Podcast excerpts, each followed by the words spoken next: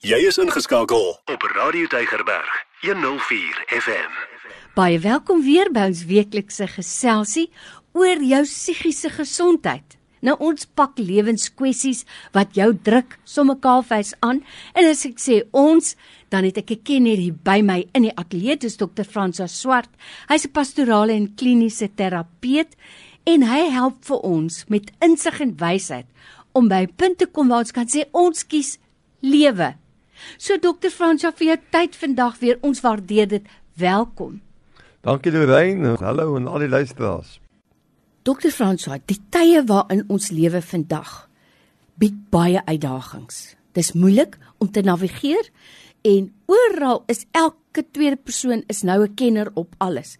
Jy moet nou net Instagram oopmaak. Elkeen het 'n klomp goed te sê oor hierdie persoonlikheid en daai persoonlikheid. Maar dit voel vir my Ek, ek weet nie wat net ek is nie. Asof elke tweede kind en nou sommer groot mense ook geetiketeer word met ADHD. Jy's 'n aandag afleibaar. In ons tyd sou ons gesê dis 'n woelige kind. Hou hom besig, gee vir hom meer om te doen. En as 'n kind nou by 'n sekere punt verbygaan, dan is 'n goeie wiks op die doek glad nie 'n slegte idee nie. Maar deesdae lyk dit vir my eerder as om in te tree en te dissiplineer, etiketeer gou-gou en dan sal almal jou kind met met sagte handskoene aanpak en ook jou werknemers. Ons moet nou spasie maak vir almal. Hy die of sy daai staan een kant toe. Is ek verkeerd? Is dit so algemeen? Ja, ek dink ongelukkig Lorraine wat dit aanbetref, ek dink ons leef in 'n samelewing met al die stimulering wat ons kry, veral die skermtyd op ons uh, slimfone, op uh, televisie en ons kinders is met meer as een ding gelyktydig besig. Ons word geweldig gestimuleer, ons jong mense. En as dit nie reg bestuur word nie, is die uitkyk en dit lyk asof die navorsing daai rigting wys dat mense al meer sukkel om te konsentreer, mm. om te fokus. Mm. En daarom dit is 'n gesprek wat 'n mens en veral in jou opvoeding met jou kinders is om jou kinders van dag 1 af te help dat hulle nie onnodige oorstimulering van te veel goed gelyktydig het nie. Dit kan dit aan die hand werk. Daar's natuurlik ook uh, baie redes uh, vir aandagafleibaarheid wat nie net lê in opvoedingsprosesse nie, maar dit kan ook lê binne jou chemiese prosesse binne jou mm. brein. Daar's 'n klomp goed wat ook in ag geneem moet word. Mm wanneer ons hierdie besluite moet neem. Oorstimulering dink ek van die moderne samelewing is verskriklik daar buite, meer as in jou en my tyd toe ons jonk was. Of dit 'n verskoning kan word dat jy op die ouend kan doen net wat jy wil omdat jy nou hierdie etiket dra. Daaroor moet gesels mm. word. Hoe werk jy met dissipline en so meer? En dit gaan nie hier oor ons 'n debat aan die gang wil sit of mag jy nog jou kind slaan of so nie. Dit gaan oor die vestiging van rotines en doelwitte en sê jy maak nou eers hierdie ding klaar en dan gaan ons mm. oor na die volgende mm. ding toe. Dit gaan oor struktuur, dit gaan om om 'n uh, omgewing te skep waar die kind leer om eers 'n taak af te handel voordat hy beweeg na die volgende taak toe. Dis daar lê daardie soort van dissipline. En dit veroorsaak dan dat ons as kinders, as onderwysers, gelukkig ons onderwysers, ons opvoedkundiges, hulle word opgelei hoe om met hierdie kinders te werk. En uh, as ouers kan 'n mens ook by kers gaan opsteek by ons klasonderwysers oor wat se raad kan hulle mm. ons gee.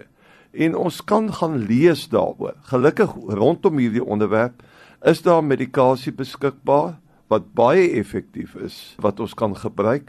Ons kan die pediaters bykry, die neuroloog kan bykom, maar dis 'n multidissiplinêre span wat moet in zoom as te ware in fokus op hierdie kind en die ouers moet moet ook geleer word hoe om dit te bestuur. Maar dit moet met 'n ferme hand gedoen word. Mm. En nie met 'n lies fair. Ag, dis nou maar hoe dit is en ek is nou 'n slagoffer van hierdie etiket nie. En uh, nog die slegste wat kan gebeur is dat jy sê dit is hoe ek is, aanvaar my soos wat ek is. En die hele wêreld rondom my mm. moet nou aanpas by my. Mm. Dis iets waaraan jy moet werk en jy moet kyk met die middele tot jou beskikking want daar is kundiges wat vir jou kan help om ook oor hierdie soort van uitdagings te kom van aandag afleibaarheid. Nou dis hoekom ek 'n kenner uitnooi om met ons te kom gesels oor moeilike kwessies. Dis Dr. Fransjo Swart kliniese en pastorale terapeut hier by my in die ateljee wat sy tyd gratis afstaan om vir ons te help. Dr. Fransjo, ek het nou baie gedink. Ek kry predikante deesdae jammer wat nog op 'n preekstoel staan en probeer om 'n 30 minute boodskap af te lewer, want dit lyk vir my asof die nuwe geslag mense enige iets wat vir my langer as 2 minute gaan vat om deur te lees of aan te hoor, is nie belangrik nie. Hou verby, hou verby, hou verby. Ek kyk byvoorbeeld hoe 'n kind sit en op die selfoon TikTok met daai duimpie aanskrol, skrol, skrol, skrol, skrol. En ek vra vir die ouer, ek sê, "Weet jy, Ek dink dit is 'n goeie ding nie. Ons het nou al 'n verhouding gehad. Dis mense van Duitsland dat ek so iets kon vra. En ek sien weer 'n aanhoudende inspuiting van adrenalien of een of ander ensiem. Ek dink dit is 'n goeie ding nie en ons het 'n gesprek gehad. En dan dink ek ook moet ons vir kinders begin leer om te wag vir beloning. Ek het 'n ding met my ou kleintjies. Ek sal vir hulle byvoorbeeld sê, Hier is vier klein lekkertjies en dan is daar een groot lekker. Elke keer as jy iets reg kry, sit ons 'n klein lekkertjie eenkant. Jy kan die twee klein lekkertjies eet, maar dan kry jy nie die grootte nie. Maar as jy hmm. klaar is, dan kan jy al vier inruil vir grootte. Jy weet, dit is my verstommend hoe vroeg hulle dit al kan verstaan. So, Dr. François, instant gratification.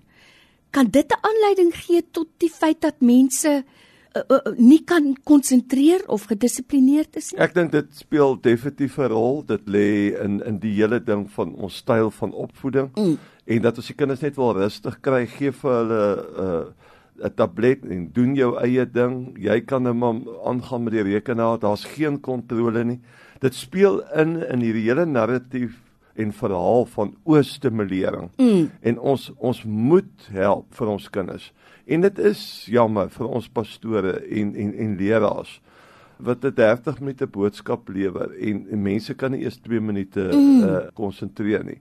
Ek weet nie of dit 'n refleksie is, is noodwendig op die leraars nie en of dit nie iets is wat 'n refleksie is op ons kultuur nie. Uh, Lorraine die hele beweging van mindfulness om weer bewus te raak, om net in die natuur te gaan sit en bietjie te kyk oor die see mm. uh, en en bietjie stil te word op jou eie om bewus te word van 'n blom om bewus te word van 'n geliefde rondom jou.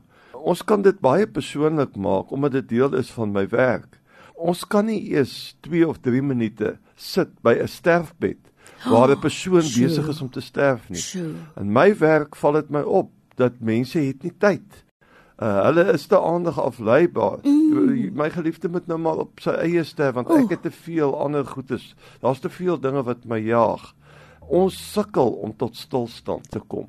Dis ons sal so moet werk daaraan om om regtig baie meer gefokus en betrokke te raak oor dinge wat regtig die moeite werd is. So dokter Fransjo, dis iets wat ons weer moet inoefen, is ek reg? Dis die groot ding. Is inoefening En dit is hoekom ons net nou gepraat het oor kundige persone wat vir jou die programme mm. sit wat vir jou help om weer te kan fokus, om te kan konsentreer. Daar's baie materiaal beskikbaar saam met die mediese goed wat ons kan doen vir die brein om vir jou te kan fokus. Maar dan moet daar, soos ek sê, daar moet 'n plan van aksie wees mm. wat ontwerp word vir daai spesifieke kind of situasie om daai persoon in sy unieke aandag afleibaarheid situasie want dit lê ook baie keer op 'n spektrum mm, en mm. daarom is die behandelingsprosedure van persoon tot persoon kan hier en daar varieer.